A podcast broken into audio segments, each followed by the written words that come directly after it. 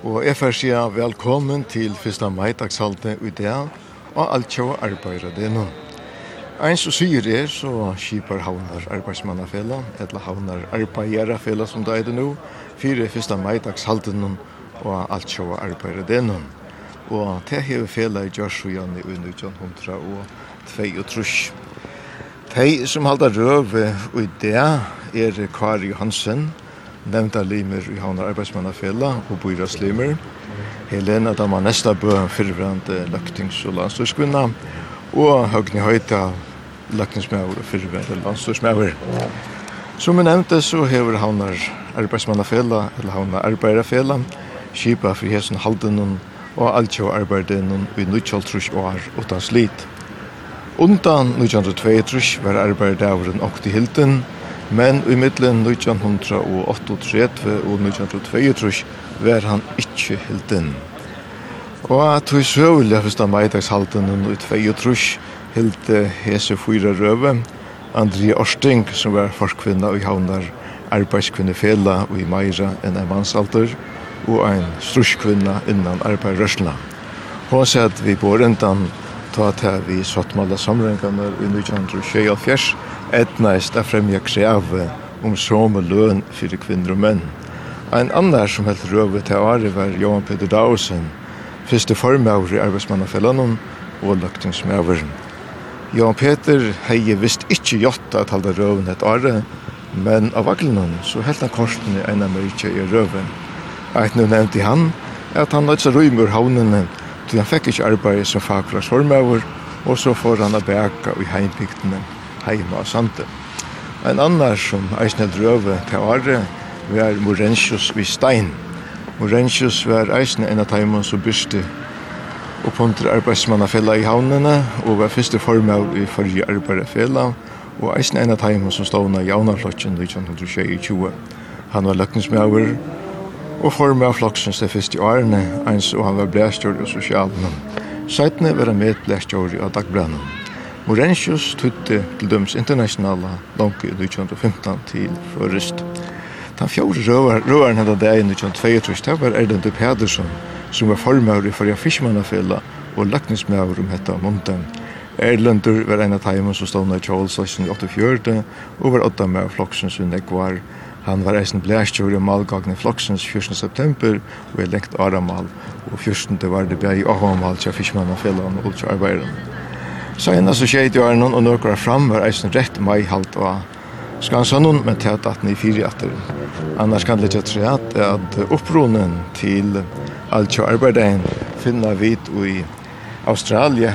Her arbeider gjør det av i 1836 halvt en fryta vi røvun, varselleie og vi krev vi om 8 timer arbeidsdag. Ta var dævren til den april. 30 var 17 tog amerikanske arbeidere som var syn opp Og den 1. mai vi krev om at det var arbeidsdag, helt der søndagen i dagen, men det er faktisk sånn det ikke gav å gjøre til arbeidsdagene. Og i Ajan Rutje Forsvar er gjørst av 1. mai skulle de halda som alt kjøy arbeidsdager, i røven, varslig halte og regn fanen. Seitene var alt kjøy rastøvne, jeg har gjørst av krev skulle det være 8 timer arbeidsdager, 8 timer kvult og 8 timer fri.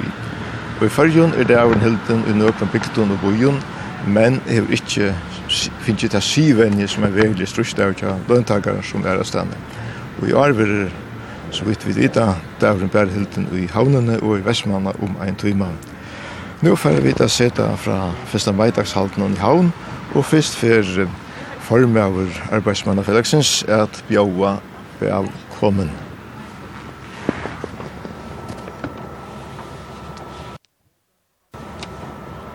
Jeg skal rekna honom arbeide til land, bjóa tikkum som her er samankomen, og lortstaren og land til alt, velkommen til dette første magdagshalt av Aklunum. Öll hesi årene hevur Havnar Hotnorkestur vi over Olsen og Otta troliga sett av Madeien. Nå Ove ikkje er mittlen okkon langur, fer er bia tikkun, sema vi mer, minnast Ova og vi tøkt og i ena løtt.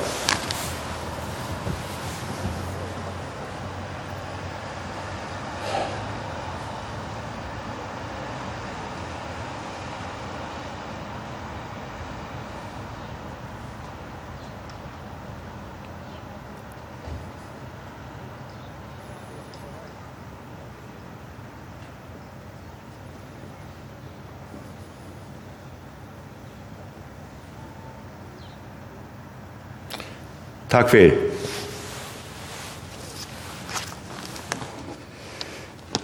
Røra jo er vera Kari Johansen, arbeidsmæver og nemndarlimer i Hamar Helena Dam, fyrirvarende løgtenskvinna, og Høgni Høyta av løgtenslimer. Tøyan verre kom til tolka til henne, som ikke lot deg samme vi okkon og jeg er. Havnar Hotmarkester fer nu å spela et le for okkon, og så gjerne fer Kare Johansen Øre.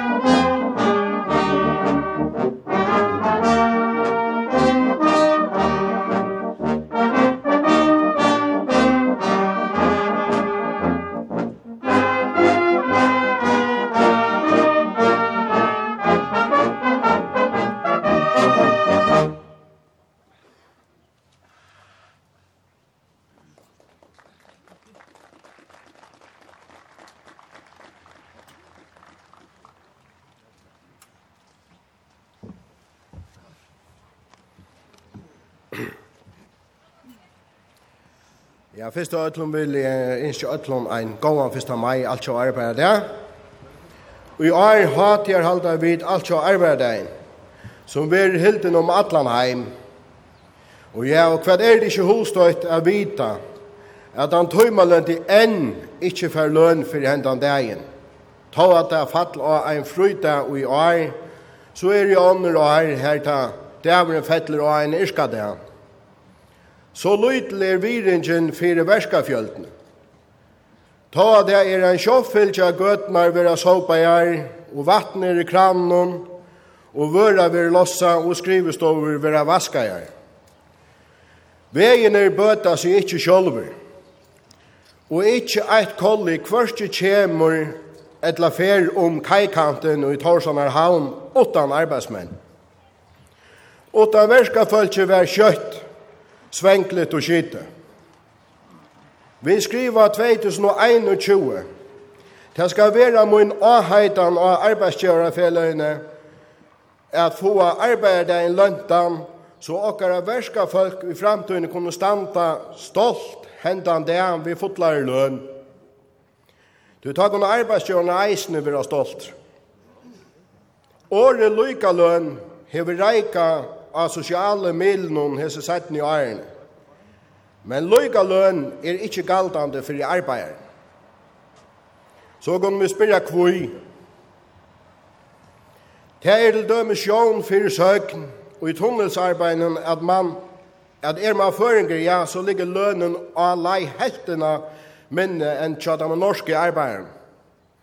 Tå at hese gjerra størst seg sama arbeid. Kvoi i adlare voje ver er okkara arbeid ikkje lukka nek, okkara arbeid ikkje lukka nek verter, ta man som arbeidsgjevar utan neka som helst. Trobelega kan løna falskje imist som gjerra samme arbeid.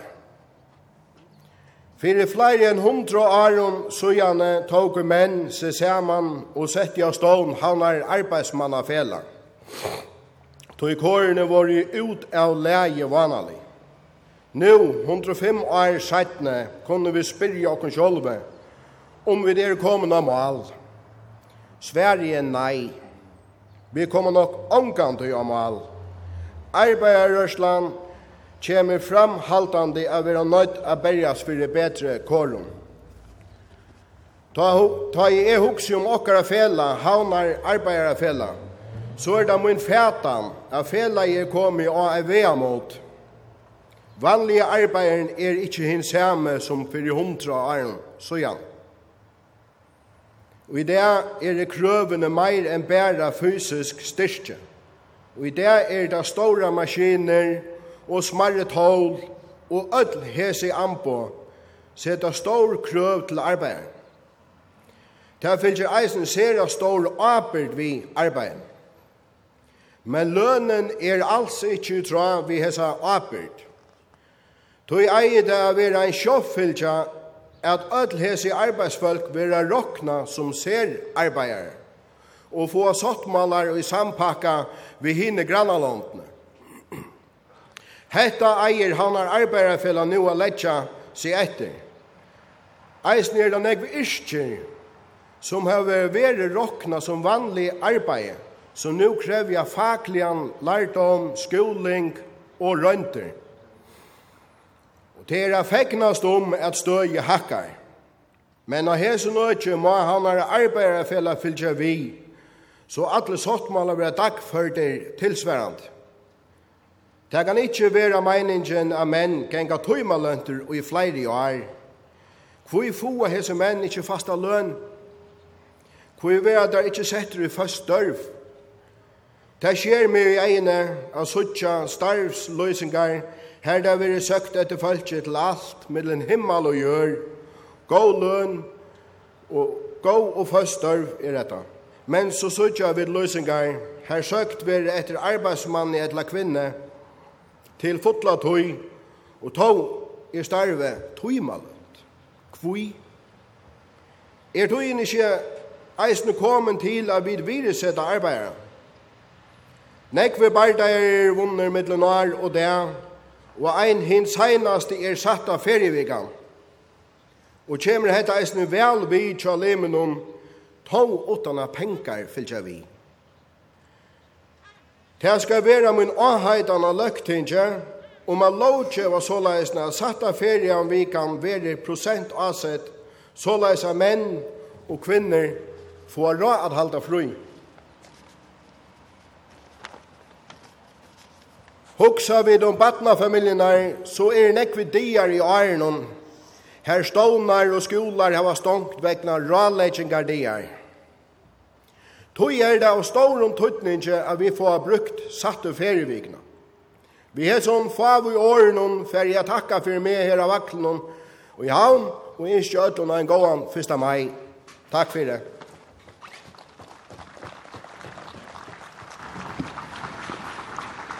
Ja, vi hørte vi hørte Kara Johansen nevnte han lim og i havnar Arbeidere Fela felan. Og det neste som fyrir roa etter at Hotnakessu spalt et land og til er internasjonala, det er Helena Damannestabøen. Musikk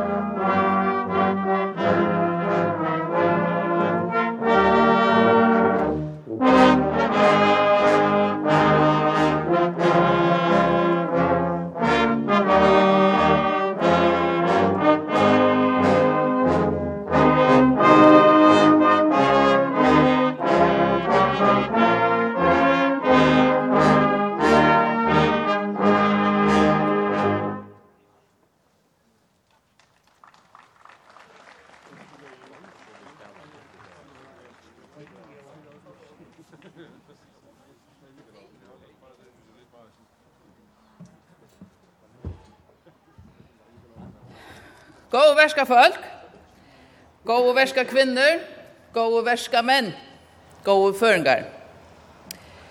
1. mai er alt sjå arbeidra dagur. Dagurinn her vid av uh, hverjun åre minna av at samanhald, samhalsfeste og strussande kunne løysa sjálvt her største avbjøringarnar. Vinna og ringasta årattvisenon og i samfellanon og av arbeidsmarknaden. Samanhald, samhalsfeste og strusjande skapar eisene nutjar møveleikar, bæg for fellesskapen og for einstaklingen. Så gjerne første fagfelløyene våre stående, første 1900-talen, er jo stor framstig gjørt. Og takk fag fagfellas rørslan i førjen fyrir til. Og i det fagnar vi arbeideren røktar starsfølse, flakafølse, sjåfølse, handelsfølse, reingerarfølse og gømste starsfølse. Nomsfrøyngon, listafolkon, læraron, køksfolkon, hjelparon, laknon, fyresidaron, ja vi fagna, ötlon, som kvør av sin hatt arbeida og letja sutt og i kast at rett fellesskapen. Og vi minna av at standa saman om at rätta vire skal være sett av det arbeid som er utdint. Og her er vi ikke kommet av mål. Hetta seinaste året har vi prekva at herkjenar og i frontlinjene hava oppebore meira enn de mongo rosande årene. Og i heve størst alid av at føreska fagfellas rørsland for at teka te struje i fela og at hon fyrir vinna til. 1. mai er alt tjóa eins vel og alt tjóa veisledavur. Vid fagna vunnar sikrar og seta nødt strøy ut i korset. Vi kunne ikke endurtaka det nå ofta, at åndsje kommer av seg sjolven. Velferder samfunnet, velferder skipanene okkara, er jo ikke nått til lover som er dottnar av himmelen, og som virka av seg sjolvun. Handan öll tei rattende som vi det teka fyrir give. Til dømes ein mann sømelig tøyma løn, vikuløn, manarløn, loika løn, etterløn og arbeidsløysesløn, til frøytøy, til utbyggving, til tryggleika og i arbeidsløyvi og i gjerande stenon, handan öll hese rattende ligger et hardt strøy. Her verska manna feløyne hava tidsi suyne tørn. Mittlen anna havnar arbeidarfela, som skipar fyrir hesun hatøyarhaldi og idea. Saman vi fjöldene av fagfellon av føreska arbeidsmarsneinum. Eit harst og avhaldande strui. Det er ikkje milde politikarar etla hjertagåre einstaklingar som hava tryggja verskafjöldene sine rettende. Det er vunnen i høron og konstruktivon og klokon struje. Og hese strøy heva så sett sine spår og i politiske skibanene i eisene, tog betur, de fleste av rettendene er og stedfest og i lovgave og løgtingje, som vi de mange føren kunne være erren av. Etla og i sattmalen av arbeidsmarknaden som vi har gjort det av hver år. Og det er just styrken og setje og i arbeidsmarknaden av skibanene okkara, at hon bytjer av samrøyngar mellom parstanar og arbeidsmarsnainen, av hverjun åre. Ongen parstur slipper av kvila av sikrunnen. Semjan skal alla tøyna røkjast, forbetrast og stittlast. Og vi kvørst er nøyot at verska fjölden fer og i versk fall, så at jaunvain atterfast av bak og at kompassen ver ratta. Og kompassen skal alltid peika i i en samhalsføst og samfella her åjaune og åratter, vere fire byrdur og fire beindur. Her åjaune og åratter, vere fire byrder og fire bændur Middelen statter, middelen menn og kvinner, middelen føringar og tilflytarar, middelen gommel og ung og så framveis. Standa vid saman vid fagfellasrørslene om, het, om hetta stavnhalt, Ja, ta vera vid stersk som land og folk. Og her standa stor og tøyande strøy fyrir framman. Vi sutja at jekven i mittlen ruik og, og fatøk vekser, vi risa høyre fyr og i heimenon, og så stat eisen i fyrjun. Alt så at gjeren bjóar okkon av, hon bjóar eisen i arbeidsmarsna av kipan okkara av, vinneløs kipan og velferdarskipan hon. Strøye om ratten til tilfåndje, tåsar så tøyeliga mal. Hva skal hesen ratter at gagnøyda før skal tilfåndje kosta og kasta av seg. Og neivan er seinaste året sagt i hesen malen om førska velferda samfellanon skal vera lovlige i framtøyne. Og eisen her har vi størst alit og at fagfellene færre at tritja, at rydgjødømme førja, kommer ødlån føringen til gåar. Håast lønner hattingar eins og budskap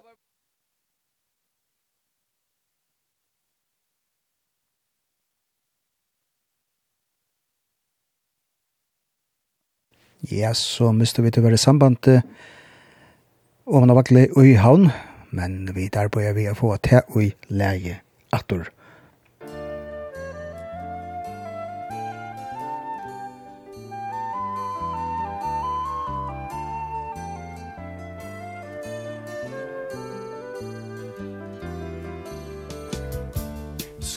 der veim laga.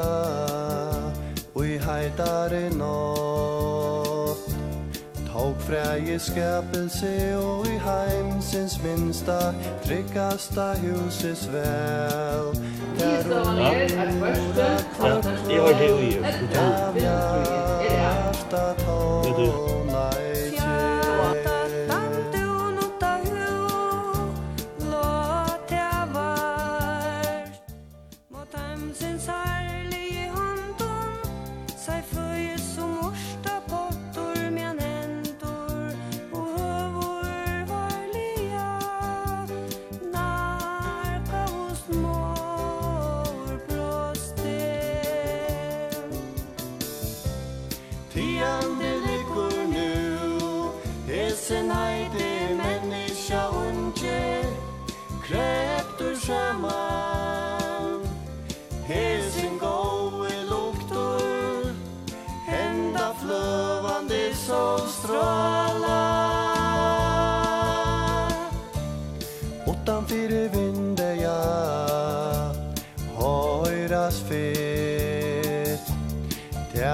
batna gerstendan Og i fyrtur vi suinon batnon Og alt ei sutja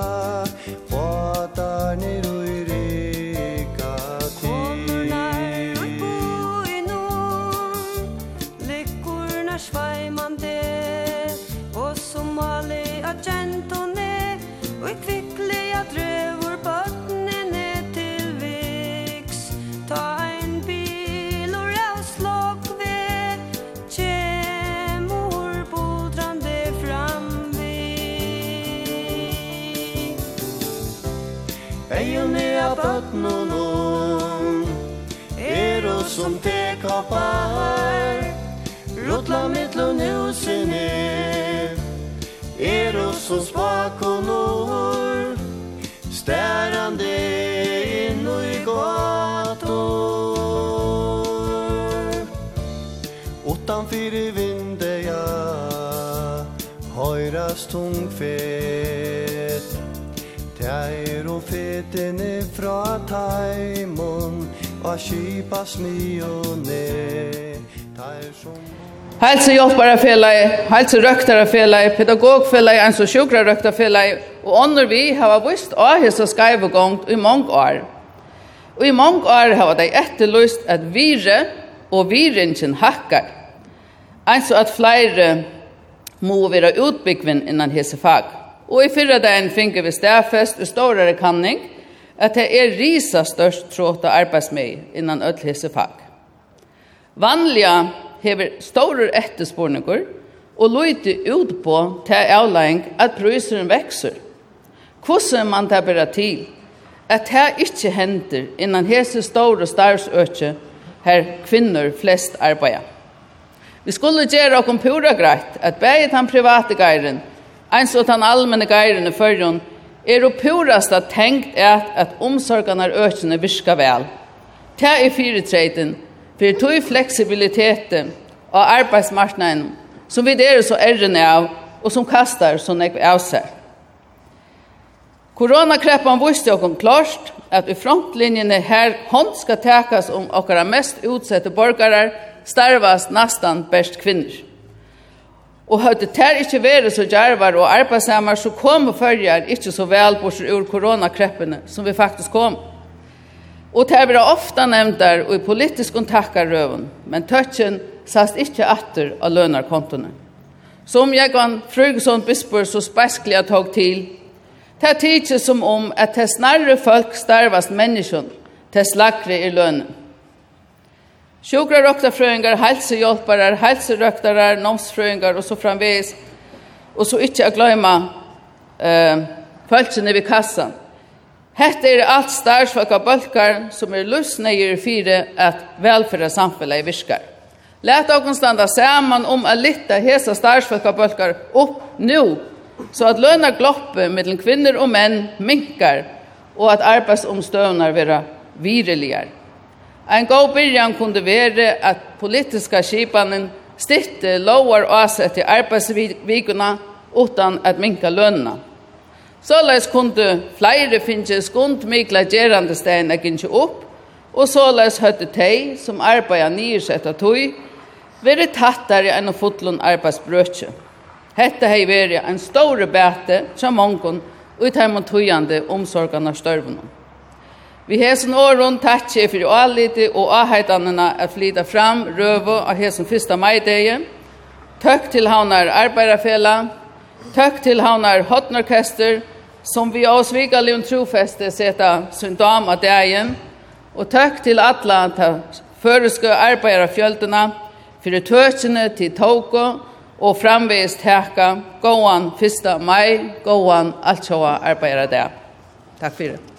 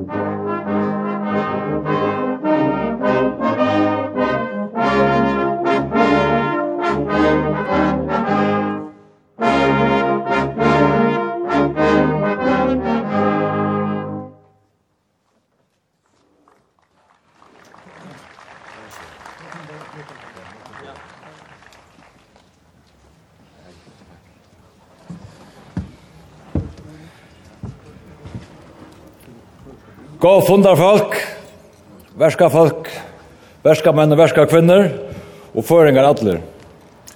Største heier er da, a få høvi a røa altsjåa arbeidadenu. Takk til havnar arbeidafella og fyrkiparnar, og til havnar hotnorkester fyrir så trolig a djeva og kontonleggen av hesson merske steg. Og takk til Hans Johansson for a minnast Ova Olsen, som just er færre. Men gav fundar folk, er i ærren av at jeg limer i havnar arbeidarfella, til åren i arbeide, og bakalao, samfisk og i øren tøymalen til arbeid. Ein så er i ærren av at jeg var limer i stærsmannafellan og i farja lærarfellan. Havast ikke er sin leiklode, men som politikar i farja år i det, så skal mun steilig avheltan og innelige bøn være til ødel arbeidande folk og løntakare i farjon, og ikke minst til okkar ungdom. Gjeres limer og fylkje som fagfelene og verska fakka rørslene. Tei er saman med tjóskapar og tjóstursrørslene den størsta menneskjasliga, samfunnslige og vinnelige drøymegin og hefur skapa tei virur tei rattende og tar møgulegar og livekår som við ødel meta som det dyra bærasta við eia og idea. Ratt til løn for samme arbeid, frytøy, utbyggving, pensjon, helsebåt, sjurgatrykt, sosiala trygt, arbeidsløsstål og så framettene. Ein som vi som folk har mekne at iveleva, leva og skapta okkar egna mål, okkar mentan, list, vinnu og boskap her mitt i sjånen, gjøgnu meir enn 34 atarli. Og i måte i öllum forsaknun, og i måte i öllum tog som er vi truttan i okkon, at det ikkje bær til, Vi da finnes røft øyrene fotlom av videre og fa og små, bæger som folk og som verskafolk. Jeg vet ikke mekna stande oppe som folk og samflagsfolkar, at okkara mål og mentan og tilfondje er alt og lyte, at okkar annar må hava rei og kunne si om hva vi skulle gjøre, og at vi ikke kunne tega avbyrd og skjøtna sjolv, og at okkara verski ikke kan vattra mellom heimsins sjåur. Vi tar og i atalli finnes jeg vita, at vi må bli om pengar fra øren landet, for at vanlige verskaffolk skulle ha velferdsskipaner og sømlig livkår. Håas vil vita at han så nevnte blokkstolen er mest av øtlom færen til å gjøre til røyk og røykar i fyrjon, og å slippe åkken undan å krevja ekna futsing til ekna velferdsskipaner her i okkara ekna landet. Men fagfellas og verskafolkar Røsland hava saman við tjóskapar og fullvaldsrøslene hver einaste fer der hava steg saman og hava tidsi tøk saman motprekva hese falsk og søv. Det tar vi vira okkara ekna, vira og standa saman om det vi sjálfskapa, vira okkara ekna tilfangje, samstarva, reisa okkon, trakke ut i heimen som jansett folk og mennesker og kreva, kreva janrat til okkon öll, det tar vi skapa samfella og det tar vi skapa tjå. Og ja, det er nærum ånden hei tro, det er vi båre vel til. Så sanns som er tjårskvelde prekva okkar håndbåsmenn det atter. Takk knekka og Tjekkia, som er middelen fremste håndbollstjåri i Europa og i heimenon. En dansk håndbollserfrøyngur sier at det 80 altså ikke er mulig. Men det er mulig til folk arbeider saman om felagsmål og setter seg høy, mål og dreymar. Vi undanganger folket, breit, og sjálfsøkten og sjálfbåten arbeid, her ødla vi avgångt, vi fagfølse og herrar vending, Ta få vi fellesskapen av virka og skapa samstundens møvlega til urmeldingen av menna søgn i evne. Just hettar er søvan om fagfellas og verskaptakarrørslene kring allan heim og eisen her i fyrju.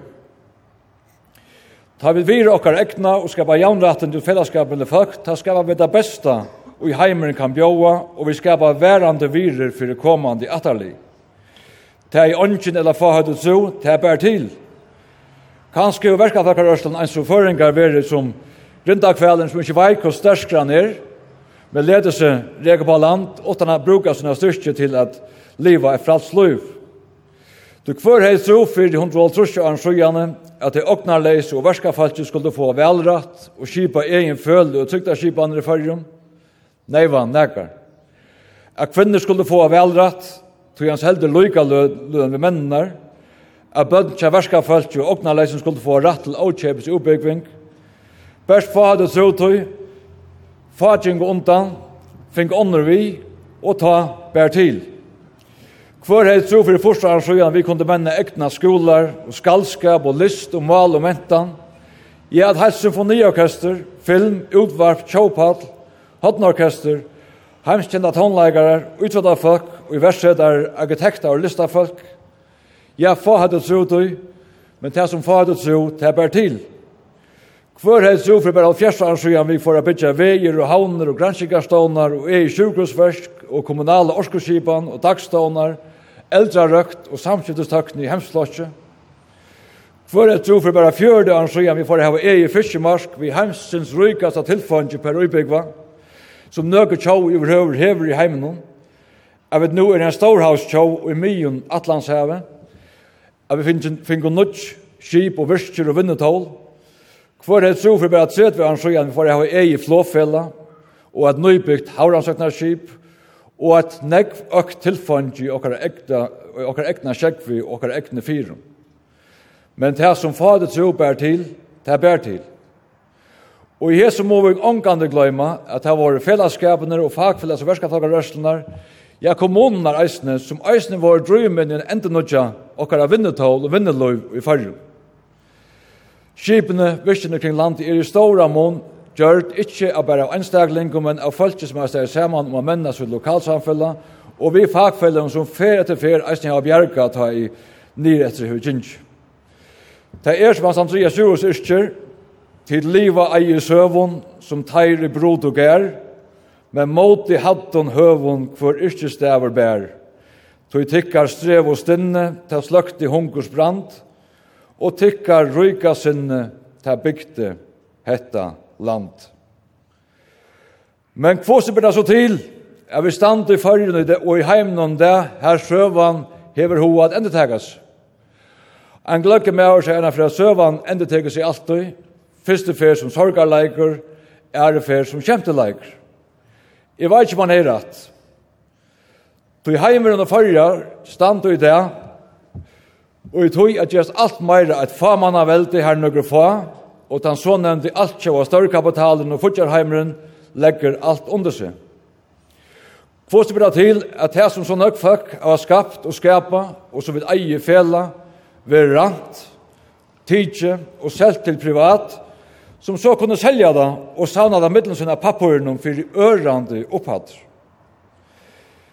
Og i det er jeg kjøtt bare 2000 folk i heimenon, meira enn helten av heimen og noen, som helten av ödlen heimsens og utbyggvun eia. Og hva sier ikke okkon? Og i 1930 sier Andreas Syska, i hokst av her av Vaklenon, som jo var handelsmøver, og brennande løysingar og fagfellasmøver, at i haun ta, i 30 noen, 8-20% av falskene noe mer enn hin i 50% til samans. Hva sier støvane fargjene det? Jeg er okkara felas okken fyrstenon, som atterlig undan okken heva struts for jeg vinna tjåene, eia fyra fem fyrtøk og kjøtt atla etgångt til fyrste. Og her inne har det samtidig vi en tebrum eierlåda, at jeg har ikke lov i å selja hesa okkara felas okken, og middelen sånn eisne til utlendingar. Ja, det har finnes sånn en 12-åra løyve, så vi jeg langt og kjøpt og selt. Det har vært virri av disse tølvårene, og på 36 milliarder kroner, ørande opphader, og i ikke åkna skilja.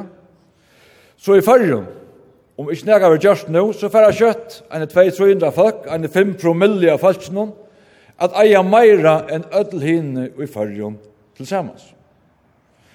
Og det var ikke bare fiskere. Etter det her vil det gjøren, bostærener, handlander, anna vinneløy som framvis, vi da langt seta, til lengst kjenner vi. Vi da sier forrige bansje rinda 600 millioner kroner ut i vinnesbøyde til nega foar eiere, flere av dem utanlands, med en vanlige folk skal gjelda hakre løn, og hakre, hakre prøys for løn og tjenester, bare for å kunne liva et sømelig liv. Ja, men hette er søytunar i alt sjåa marsnaen, og vi er i kapping av hans marsnaen, og høyra vid løgman, fyrtja målar av herran og samgang og folk sida.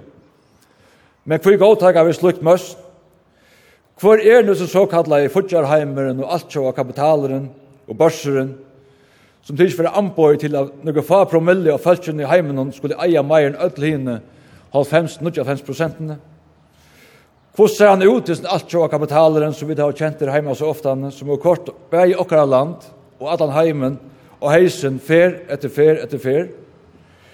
Hesen kapitaler som lever av vinningsen av arbeidene og virene som vanlige folk og løntakere skapa atterlig etter atterlig. Hesen fortjere åknarheimer som eisen i øyer, natturo og fjellbrøtning med Atlanheim, og sier at alt er rujtidømme, alt er fjellbrøtta som natturen, jøren, heve, løyvi, eller vår herre, hava givet okkum til lands, det skal være privat åken til einstaklingsen som så kan selja det og medlemsøyen for å skilja det opphatt. Kjenner tid hendt alt sjåa, kapitalen og futjarheimen. Jeg kjenner han ikke. Han er omgang bjør mer enn Løtland. Han er omgang til å finne hjertet til mer av derra. Han er omgang til å finne at elska nega større enn meg sjølva, eller at elska nastan som sjølva med. tvers og måter. Korsen høyra vi dessen alt tjoga betalen, så tøtninga mykje, han skal teka alla vo og asa sida der. Men hva er hent i hver er de einaste kreppo? er fyrir som så nevnte voa fyrst kapitalen kjemur trobelegar. Ta skuld tar felagskassan, verska falskje, tar vann og løntakaren gjalda alt gjalda, tar missa ønskje.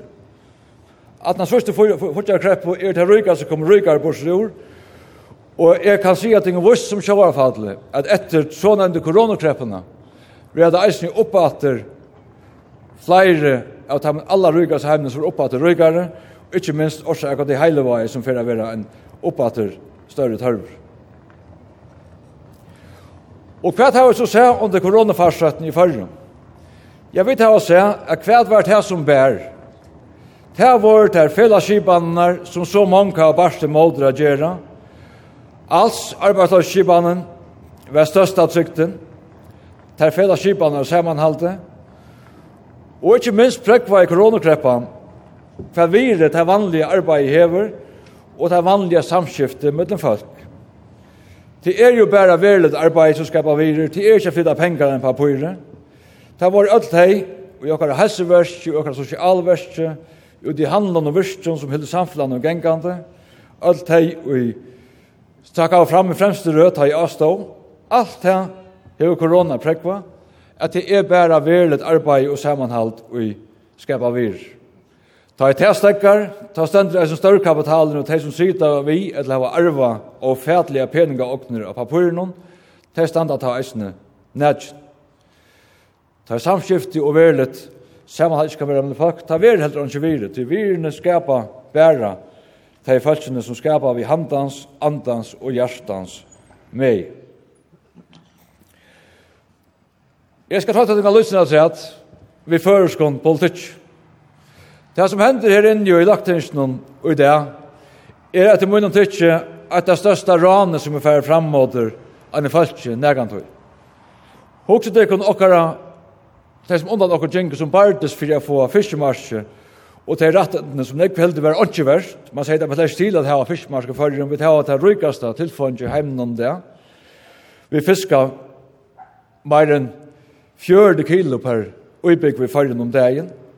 Hette har man vid en pen, pennastrøkjer inne i avrætt til noe fa og sagt at nå skal hetta som var herra og natur og skapa være privat opp. Og vi tar en ofætlig åhepna blanding i førskens kjøttmalen i det. Ta tidlig som samgangflokkene tar har gjort av å byte av kinnen så alle få av sutt og energisere åhepna blanding og det vanlige følelse og fjelten misser. Falkaflokkur slipper at avrei i okkara felags åkna kjekvi i landet, bei i fisken, bostæren og huslandsgrunnen, som eisen nu skal være anbordja spekulantum, allmenna grunnar, skattel drattvois og anna, ta kom tar avrei til tar fau urvaldum, einstaklingar, partafølu og klienter. At det fire kuika sambandslokken ötlun, men sleppur stæren binda okken danska kipaner og iovald, og at avrei okkara sjálfsætjar som sjálfsætjar som Det er bare hernare malen. Nu vil Danmark at den hernare radare opp i fyrre. Åttan har spyrja føringar eller folk etter vi har brukt som en finne i en talve. Og hva sier løgt med over? Ja, vi må ikke halte atter til Danmark. Danmark er jo varst av nødvendig til åren. Ja, gå av morgen. Nær hod Danmark varst fyrjar.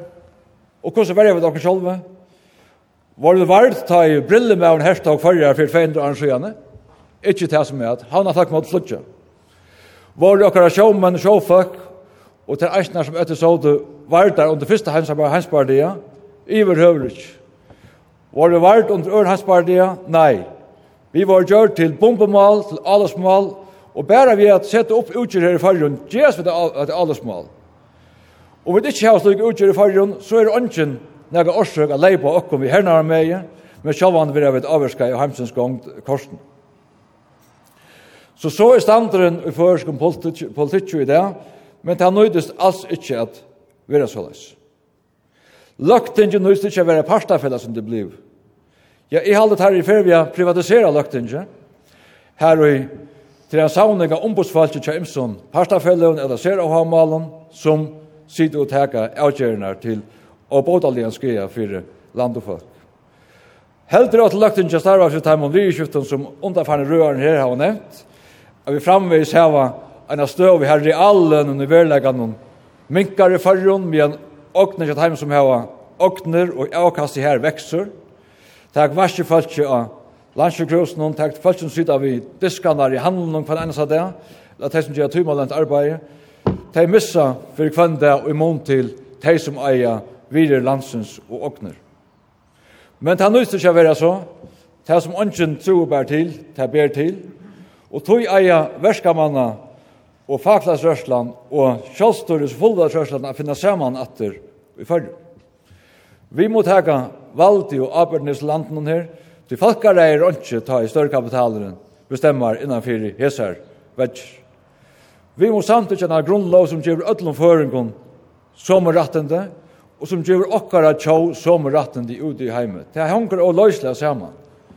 Tjónar må være være jansettar, og fölkju i landen må være jansett.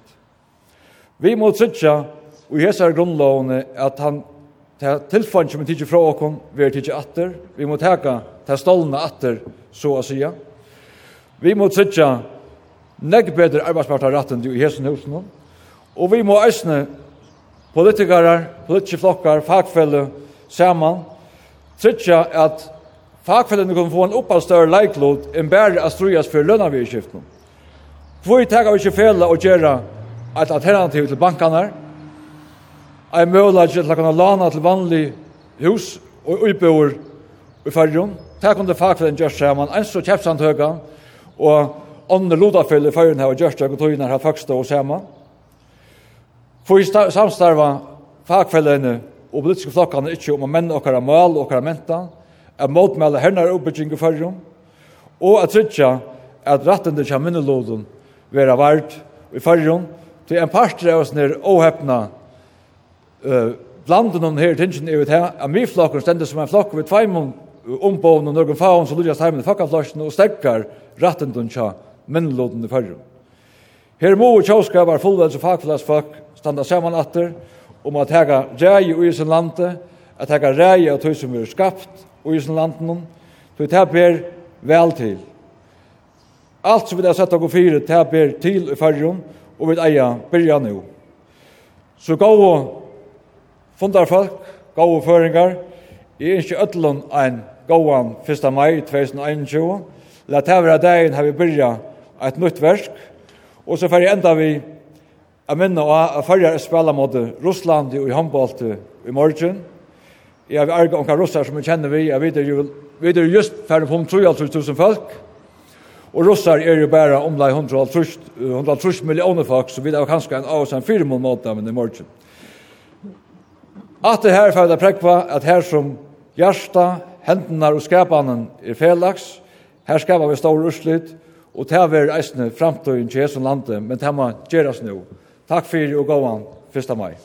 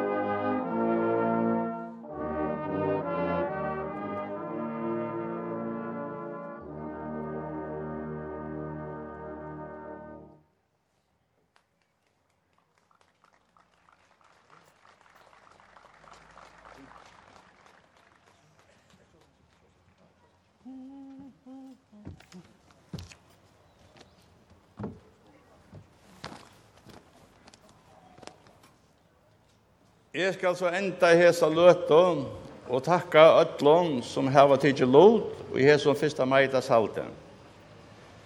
Takk til røarar, Kvara Johansen, Helene Dama Nestabø og Høgna Høydal.